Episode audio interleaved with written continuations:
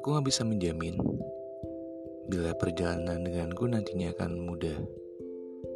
Tapi, yang bisa aku terus upayakan yaitu menguatkan langkah kaki kita agar tetap yakin bila Allah selalu ada di dalam setiap proses perjalanan kita.